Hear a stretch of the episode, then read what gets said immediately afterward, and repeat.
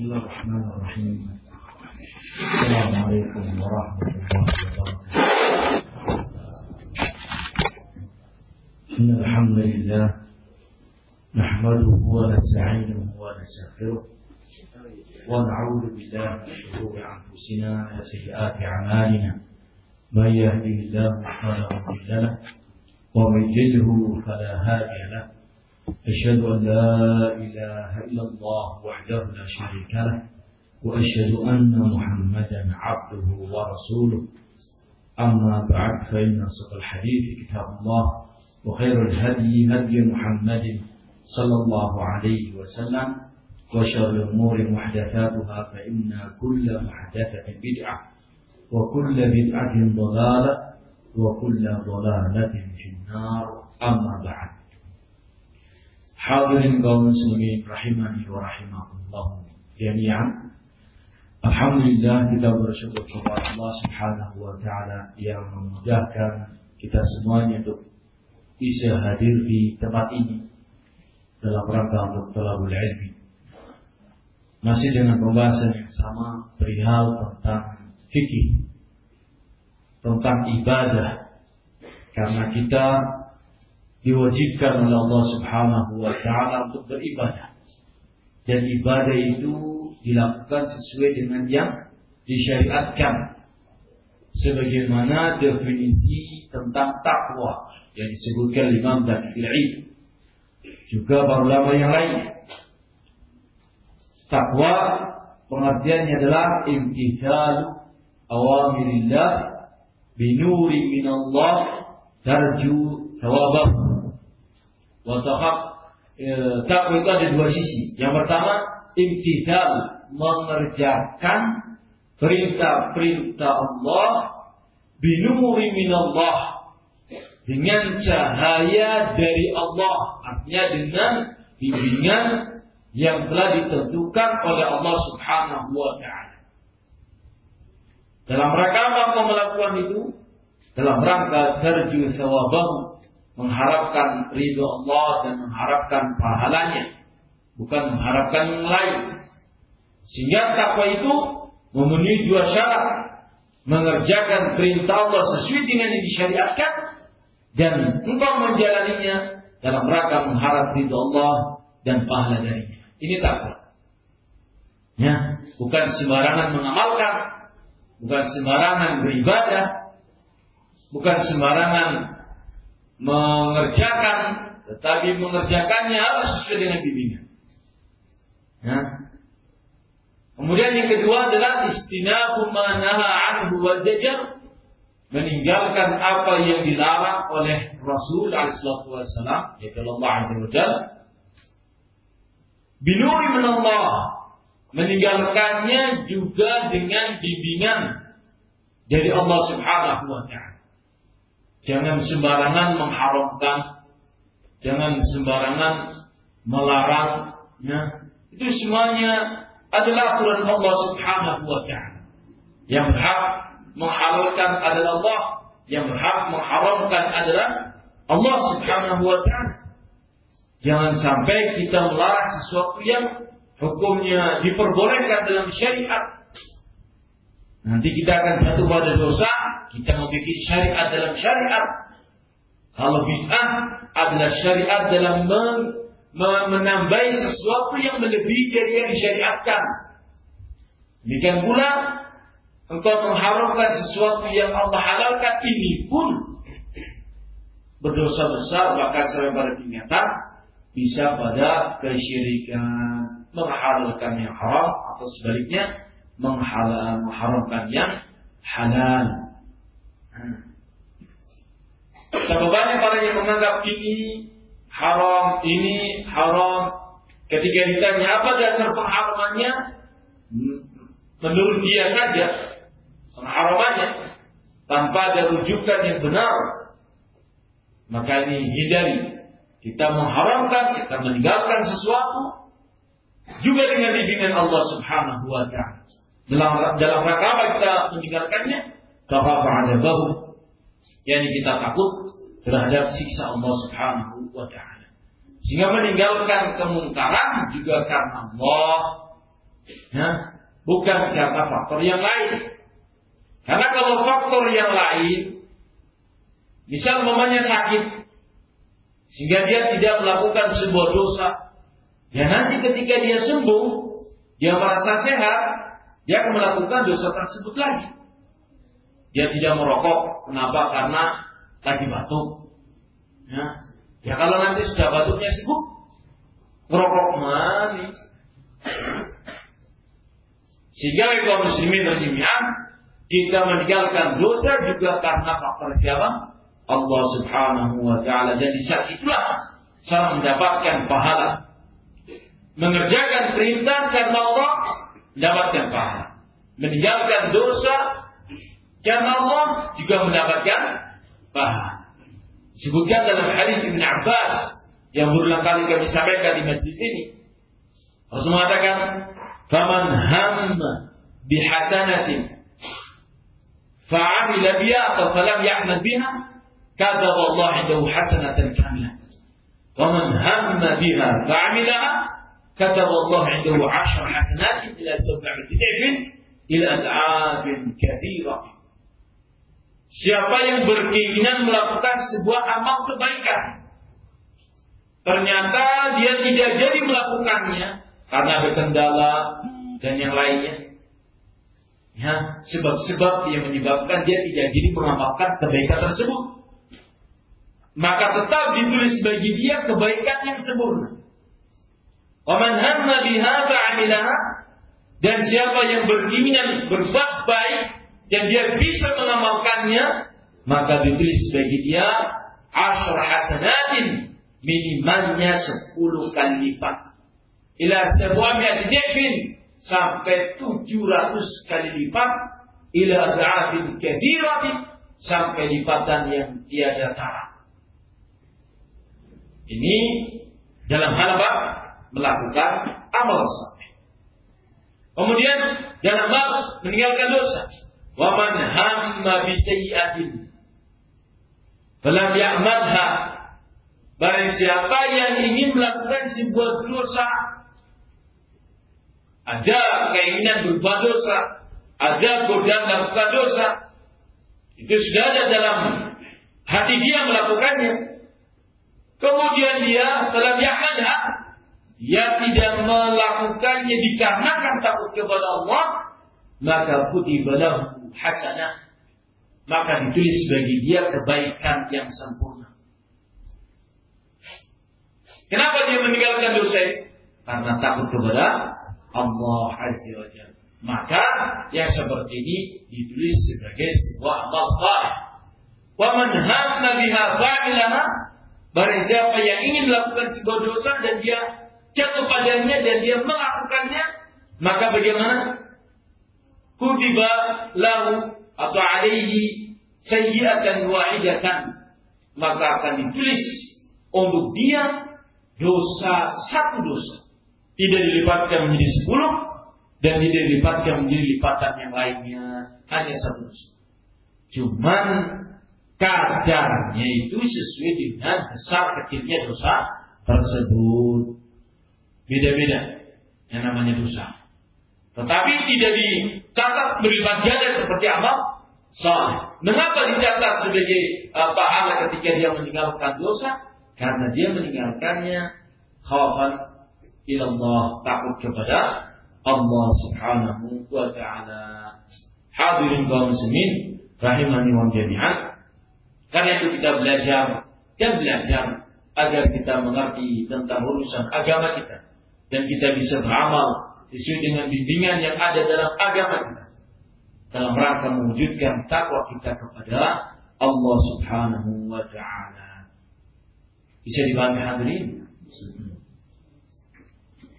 Pembahasan kita masih melanjutkan kitab Hasul Fikhi yang sempat terhenti pembahasannya dikarenakan lebih mendahulukan tentang perihal yang berkaitan dengan Idul Adha kemarin. Ya. Pas kebetulan hari Jumat pertama Idul Adha libur. Pas kebetulan Jumat yang kedua memang jadwalnya Ustaz Afandi. Nah ini Jumat yang ketiga adalah hari ini. Kita belajar mulahas. masuk pada pembahasan tentang apa? Salat. Salat apa kaum sini? Salat uh, khusyuk. Salatul khusyuk. Sudah masuk pada beberapa keterangan, kita masuk pada uh, pembahasan yang berikutnya kata beliau, waktu pelaksanaan sholat khusyuk. Waktu sholat khusyuk min ibtida'il khusyuk ila tajalli. Pelaksanaan sholat gerhana itu dimulai dari semenjak awal masuk ke gerhana Gerhana ada awal, ada tokan, ada akhiran. Ini memang menutup sedikit demi sedikit sampai kemudian gelap. Tidak kelihatan cahayanya dan kemudian berangsur-angsur kelihatan dan selesai. Nah, di sini disebutkan awal waktunya adalah min ibtida'il kusuf. Dimulainya gerhana. Kalau seandainya takarannya jam, ya kalau jamnya jamnya tepat, prediksinya tepat. Ya. Dulu pernah kami melakukan gerhana matahari, prediksinya itu jam 7. Berita yang menyebar jam jam 7. Jam 7 lebih dikit begitu. Nah, di berita yang menyebar di WA atau di media yang lainnya. Tetapi ketika kami melihat setengah tujuh, sudah nampak gerhana itu. Ya.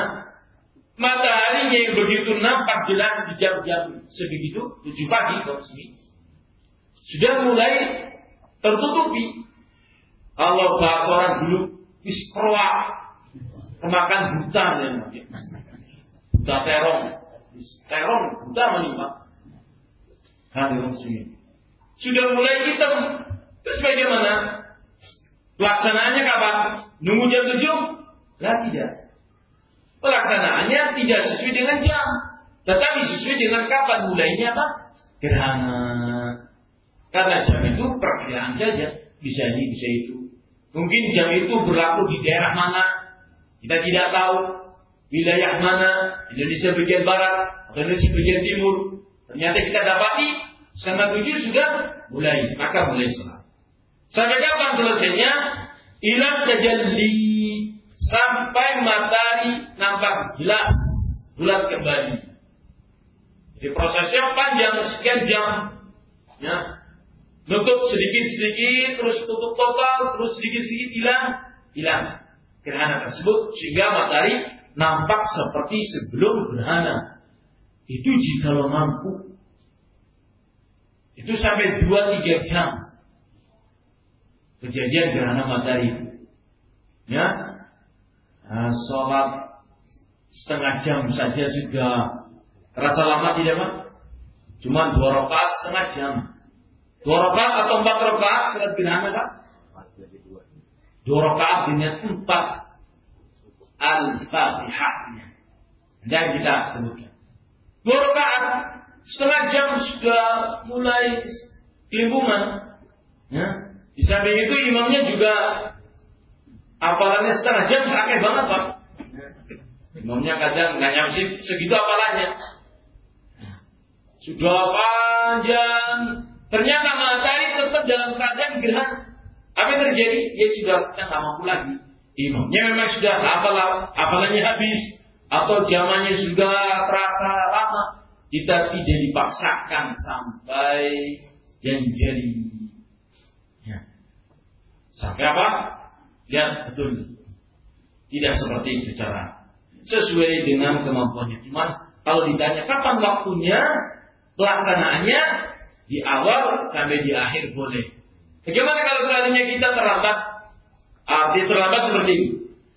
Gerhana matahari sudah total, baru mulai, nggak masalah. Itu memang waktunya. Seperti hanya sholat zuhur dari terbinsirnya matahari sampai kapan? Sampai waktu Sholat asar. Itu waktunya. Ketika kita melaksanakan sholat zuhur jam 1, jam 2 itu memang waktunya. Dan safar umpamanya dan melakukan zuhur di jam berapa jam 2 zuhur Itu memang waktunya. Belum waktu asar. Ibu-ibu melakukan sholat di rumah. Jam berapa? Jam 2. Sholat duhur. Itu waktunya. Sehingga kalau kita bisa dari awal, Alhamdulillah. Kalau tidak, maka kapan jamaah hadir, memenuhi sudah pada datang, kita laksanakan. Walaupun sudah masuk proses apa? Gerhana. Sampai kemudian batas akhirnya sudah bulan matahari. Kalau matahari sudah bulan kok masih sholat gerhana, itu tidak boleh malah. Melampaui batasan yang disyariatkan. Dari jam 7 sampai menjelang duhur. Padahal gerhana cuma sampai jam momennya setengah 10 atau jam 10. Ini berlebihan. Ya. Dikala Rasulullah SAW, "Faidha ra'aitum ay shay'in dzalik fasallu muttafaqun alaih." Apabila kalian melihat sesuatu dari gerhana, maka salatlah kalian hari ini dan wa Muslim. Wa fi haditsin akhar, "Wa idza ra'aitum shay'in dzalika fasallu hatta tanjali." Rawahu Muslim.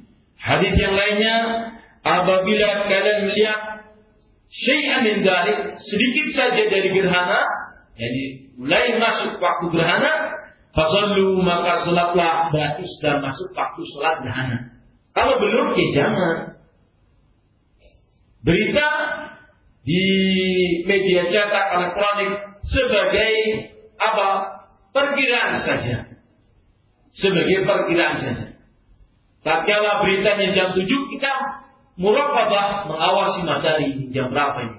Kira-kira masuk atau belum. Jangan antum belum masuk gerhana matahari, belas belum kelihatan kecaplok gitu bahasa kawannya. Belum kelihatan hitamnya, jam 6 pagi sudah sholat gerhana. Kenapa sih? Jam-jam pasar kok. Ngor pasaran. Jadi cepat-cepat. Ini dengan sholat gerhananya belum terjadi. Ya, sholatnya berapa menit? 15 menit atau setengah jam jam 7 kurang 10 baru berhana jangan dari jam 6 dan sholat apa Rika sholat kesusuan pasar di tempat ini nah, itu nggak boleh belum waktunya wala tuqba sholat kusuf pada tajalli dan tidak dibolehkan untuk sholat gerhana itu dikobo setelah matahari nampak jelas. Jadi tertutup, gerhana total, kemudian mataharinya mulai terlihat lagi, kemudian sama matahari bulan, kemudian baru kemukan, oh iya sih gerhana, yuk bareng-bareng sholat, sudah selesai waktunya, ya kita kodolah. Apakah ada kodok? Tidak. Waktumu telah hilang guna melakukan sholat gerhana. Wala yuk wala tukbo sholat kusuf ba'da tajalli di fawati mahalliha. Tidak boleh seorang mengkodok sholat gerhana setelah matahari nampak jelas dikarenakan telah hilangnya kesempatan untuk melakukan sholat gerhana tersebut. Fa'intajal kusufu qabla ya'lamu bihi lam yusallu lahu. Sekarang apabila matahari gerhana manusia nggak ada yang tahu apa ini ada apa gerhana Kemudian saya matahari nampak lagi jelas. Kok mereka belum sholat? Ya sudah. Jangan sholat. Jangan kau mengajak sholat khusus tatkala tidak terjadi gerhana. Itu adalah bid'atun dhalalatun. Kenapa kok bid'ah? Hah?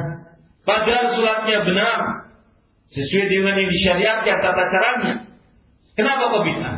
Karena pelaksanaan sebuah ibadah tatkala sudah ditentukan waktunya kok dilakukan di luar waktunya maka itu adalah bid'ah. Semata dengan itu disebut apa? Bid'ah. Itu perkara baru yang tidak pernah terjadi di zaman Nabi alaihi wasallam. Bahasa Arabnya muhdatsa, hal-hal baru yang tidak ada syariatnya. Seperti sekarang ini Ibadah haji sudah berlalu waktunya. Sudah berlalu atau belum? Sudah. Selesai sudah ibadah haji. Haji. Tiba-tiba ada orang yang ingin haji. Ya. Berangkat dia ke Saudi, kemudian dia wukuf sendirian di Arafah, oh bertemunya Arafah, dewekan.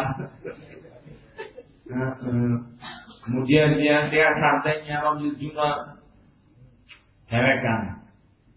Ya, tidak sah pelaksanaannya dikarenakan pelaksanaan tidak pada waktu yang ditentukan.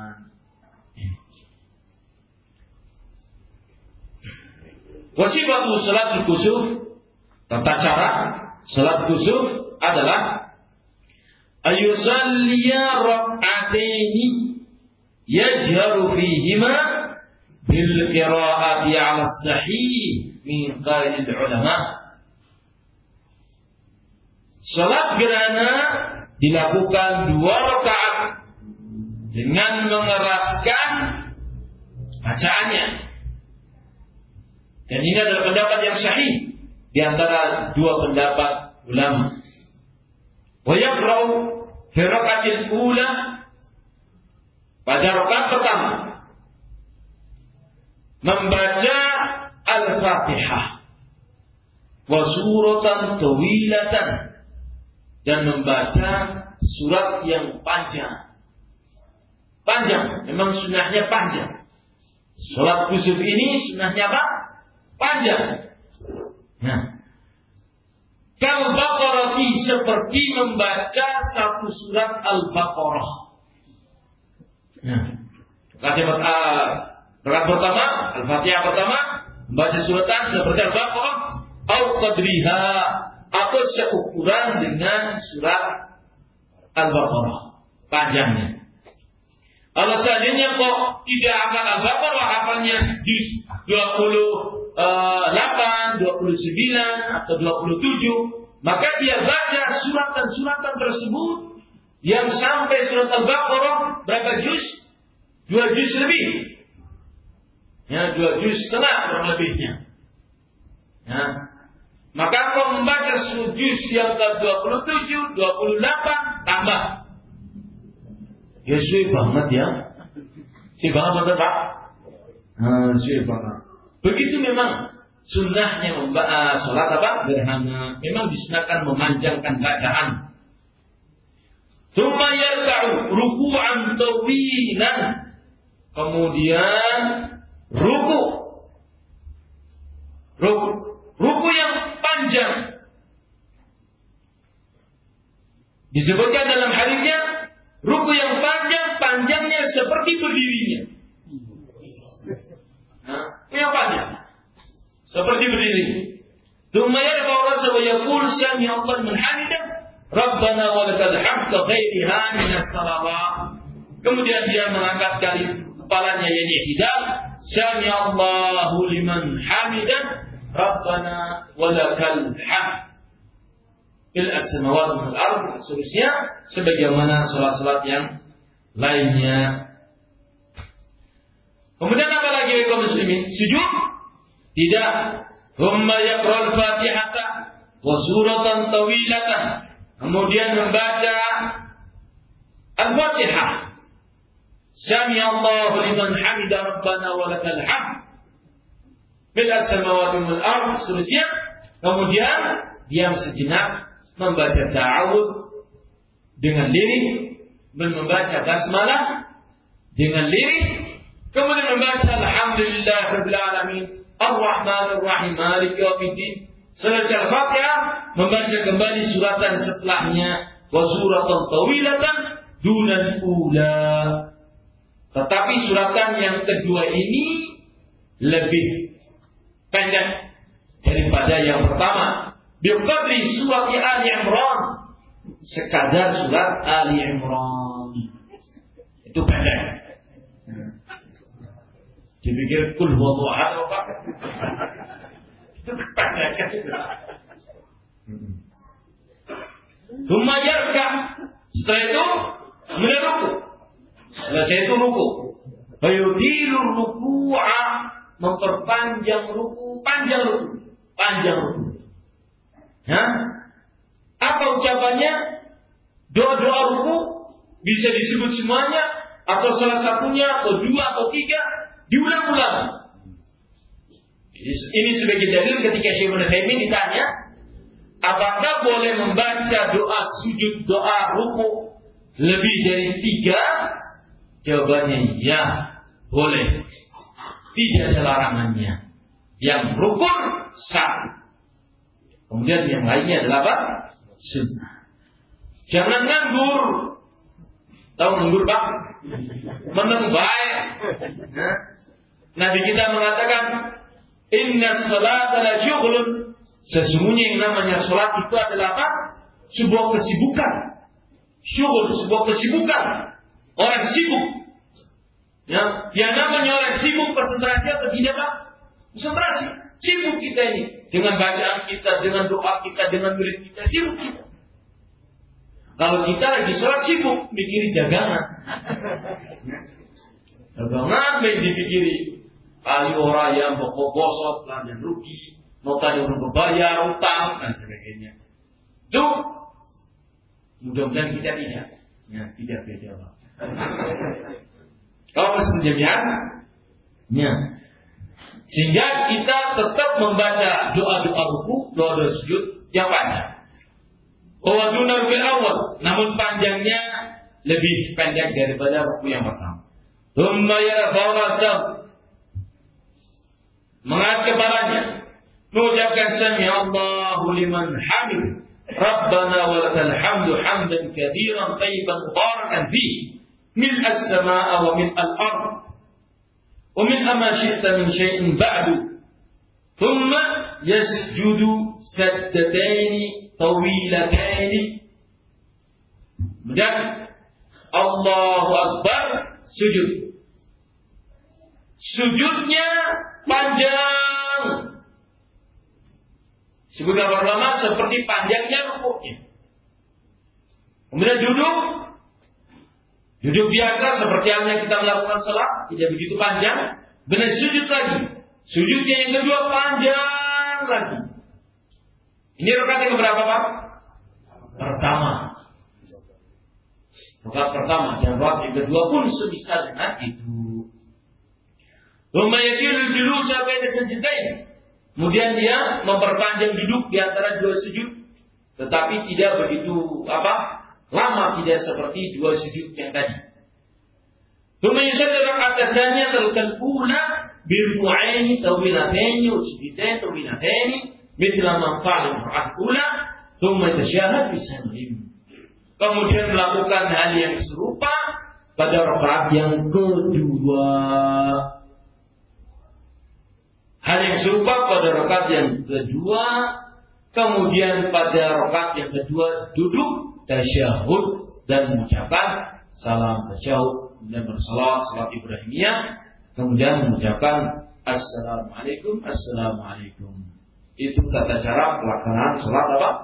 Gerhana, baik gerhana matahari ataupun, gerhana bulan. Hadihi sifatu sholat al-kusuf kama fa'ala Rasulullah sallallahu alaihi wasallam wa kama ruya dzalika anhu min dhurrikin baduha fi sahihain. Inilah dia tata cara sholat gerhana yang dikerjakan oleh Rasulullah alaihi wasallam sebagaimana disebutkan dalam beberapa riwayat di antaranya dalam riwayat Bukhari wa Muslim. Minha beliau menyebutkan di antara dalil hadis. Kalau tadi kan urutan ucapannya Syekh Salih Fauzan, kita sekarang baca hadisnya. Di antara hadisnya Marwat Aisyah radhiyallahu anha, sebuah riwayat yang disebutkan oleh Aisyah radhiyallahu anha Allah beliau mengatakan, Khasafati syamsu fi hayati Rasulillah. Terjadi gerhana matahari di zaman Rasulullah sallallahu alaihi wasallam. Fakharaja Rasulullah ila masjid. Maka Rasulullah pun keluar dari rumah menuju ke masjid Masjid Nabawi. Faqama wa kabbara wa safa an-nasu wara'ahu. Ya, maka beliau berdiri dan bertakbir mengosokkan manusia di belakangnya. Ini tentunya mengosokkannya sebelum takbir, Pak. Bukan takbir dulu kemudian baru Luruskan sholat. Ya tidak seperti itu. Sebagaimana pelaksanaan sholat jamaah. Diluruskan sholat. Di belakang beliau, kemudian berikutnya dan berikutnya. Di sini baru kita tahu ya kaum muslimin, ibadah sholat, apa pun sholatnya, ketika itu dilaksanakan jamaah dan dengan berjamaah, maka wajib penataan sholat yang rapat dan lurus. Salat khusyuk dengan jamaah. Salat Jumat dengan berjamaah. Salat istisqa minta hujan dengan berjamaah. Idain, dua id, fitri dan adha dengan berjamaah. Maka semua itu adalah diperhatikan yang namanya apa? Saf. Ya, ada seorang yang mengatakan tidak mengapa, tidak nempel, yang penting rata. Ada tidak kayak gitu apa? Ada di dunia apa itu? Dunia maya, dunia nyata, dia orang hidup. Nah, bisa kita lihat di potongan videonya dia mengatakan tidak mengapa, yang tidak mesti harus sejar, yang penting lurus. Nah, dan dia mencontohkan adanya keributan dikarenakan adanya orang ketika diceceri marah. Ini kan menimbulkan perpecahan katanya. Ini kan menimbulkan masalah. Tidak ada kewajiban harus rapat. Yang ada adalah lurus. Bahu dengan bahu, mata kaki dengan mata kaki. Itu tidak berarti merapat. Yang penting lurus saja. Hada batil. Ini batil. Ya, Nabi Muhammad SAW menyebutkan beberapa riwayat. Sawu sufufaku. Luruskan. Istiwa, istiwa itu apa? Lurus. Sawa. Sawa itu bahasa Arab. Bahasa Indonesia sama-sama. Ini sama-sama lurus. Ini dia. Sawu sufufaku. Kemudian lapan yang lainnya apa? Segimu. Walaupun nasnya dibelaikan beberapa ulama, Istaqimu, lurus. Kemudian berikutnya sudul halal. Tutup yang longgar, tutup yang kosong. Artinya apa? Rapat. Ada yang celah, tutup. Ke mana jalannya? Kalau celahnya di sebelah kiri imam, maka menuju ke balik. Sebelah kanan imam, maka menuju ke arah itu. Tutup celah. Sudul halal. Kata beliau, ini Allah min warai zahir wa sallallahu alaihi wasallam, sesungguhnya aku melihat di belakang punggungku beliau Rasul. Aku melihat dari belakang punggungku adanya syaitan yang ada di sela-sela kalian yang akan menggodanya. Bukan syaitannya mau ikut sholat pak. Ini juga ada orang yang mengatakan di biar ada sholat, ya syaitan ikut sholat kok dimarahi. Bukan kayak gitu pak. Syaitan ikut sholat. Menggabung sehingga dirapatkan sholat itu. Nah, tada al-burujat di syaitan. Sebutkan dalam sebuah riwayat, jangan kau biarkan celah di mana syaitan akan menggodamu di tempat itu. La tada'ish furujat syaitan. Artinya apa? Hadi ikhwan. Nabi mengatakan al-jaru bil jabi wal manki bil manki. Mata kaki dengan mata kaki pundak dengan pundak yang dimaukan dengannya adalah apa? Nempel. Ya? Pundak dengan pundak, kemudian selewa. Nanti selewa, apa bahasa Indonesia selewa? Selewa dia kayak darah mata selewa ya. Selewa itu ini pundak ini pundak, geser kanan geser kiri, darah Akibat tidak rapat tidak terjadi lurus. Tetapi kasihan dia dai yang malah membela-bela mereka-mereka kaum yang sufi yang sholatnya tidak mau rapat.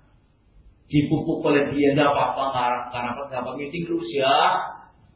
Ada batil. Naudzubillah min Ada keinginan di balik itu, ada udang di balik batu udangnya mati. Ini modal, jadi udang raksasa, batunya batu batal, Pak. kasihan. Ya. Dia pun mengatakan bahwa bid'ah Ahmadiyah tidak mengeluarkan manusia dari ahli sunnah. Ada batin. Bid'ah itu dolalah. Sama saja bid'ah itu pada perihal akidah atau bid'ah itu pada perihal amalan. Nabi tidak membeda-bedakan wa kulla bid'atin dolalah wa kulla dolalatin benar. Apakah itu bid'ah akidah atau bid'ah amaliyah? Sekali lagi dia kasihan. Kasihan dia yang seperti ini. Dia memiliki uh, keinginan diterima oleh semua pihak. Karena mungkin beberapa kali kalinya digebuk sama mereka, akhirnya sudah nggak apa-apa. Walaupun bid'ah amaliyah, nggak apa-apa kok nggak keluarkan dari ahli sunnah. Na'udzubillahi min dzalik. Hada tahlilu ma Allah. Ini termasuk menghalalkan hal yang diharamkan. Bisa hal ini. Tahlilu ma haram. Allah mengharamkan bid'ah. Dia menghalalkan. Fana'udhu billahi min. Kemudian kaum muslimin jami'an kita masuk ke hadisnya terjadi gerhana matahari di zaman Rasul. Maka Rasulullah keluarkan masjid, kemudian beliau mendirikan saf para sahabatnya, kemudian beliau ber, berdiri dan bertakbir. Faktara Rasulullah qira'atan tuwilatan. Rasulullah membaca dengan bacaan yang panjang. Barakallahu fikum di sini tidak disebut apakah Nabi membaca usalli salat khusyuk. Ini mustaqbil kiblati adaan. Ah bagaimana? Saya kurang tahu. Syekh Ramadan? Nah itu puasa banget saya tidak tahu itu. Karena memang tidak ada lafaz yang tersebut dalam sunnah. Itu bikinan orang. Ya. Tidak ada lafaz-lafaz seperti itu. Yang ada adalah apa manusia tahu hari ini terjadi gerhana Nabi memerintahkan manusia masuk ke masjid, kita melakukan sholat gerhana. Sudah itu niat. Bukan sholat duha, bukan pula sholat zuhur. Ya, sehingga tidak mungkin salah niat. Ucap duhur ya. Duhur masih pada siapa? Nabi setelah terjadi ini, ini bukan zuhur, orang langsung otomatis. Sehingga tidak perlu sholat sholat khusyuk Kusuf syams rakatain mustaqbil kiblat lillahi taala. Seperti itu ya? Malah jadi hafal. Antum jangan tiru itu. Itu bid'ah. Tidak ada di zaman Nabi seperti itu. Nabi begitu sudah mengosokkan langsung kiblat menghadap ke kiblat Allahu Akbar langsung. Karena itu yang namanya sholat satu ibadah dimulai dengan apa? takbir dan diakhiri dengan salam. Bukan dimulai dengan yang lainnya. Tapi dengan takbir. Sudah selesai Pak. Tembe miki kok Pak? Masya Allah. Ya insya Allah akan kita sambung membaca harinya dalam pertemuan yang akan datang. Ada pertanyaan? Satu, dua. Alhamdulillah.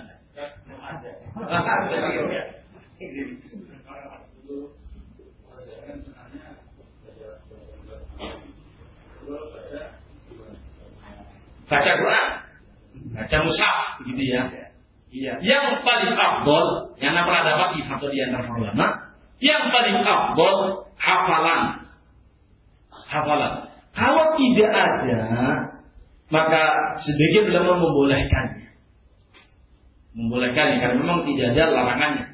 Kalau seandainya kok mampu, maka jadi hafalannya. Karena itu imam diambil dari yang paling apa? Paling hafid. Yang paling hafid cuma tiga juz. Alhamdulillah tiga juz. Hmm. Apa yang dia bisa baca, dia baca. Kalau seandainya dia membaca dengan mushaf, insya Allah diperbolehkan. Karena memang tidak ada larangannya. Wallahu a'lam bishawab. Ustaz, kalau misalnya sholat khusus, kebetulan jatuhnya itu dengan jadwal sholat berikutnya, misalnya pas sholat duhur atau pas sholat itu gimana kan? Hmm. Umumnya khusus jam 11. Ya.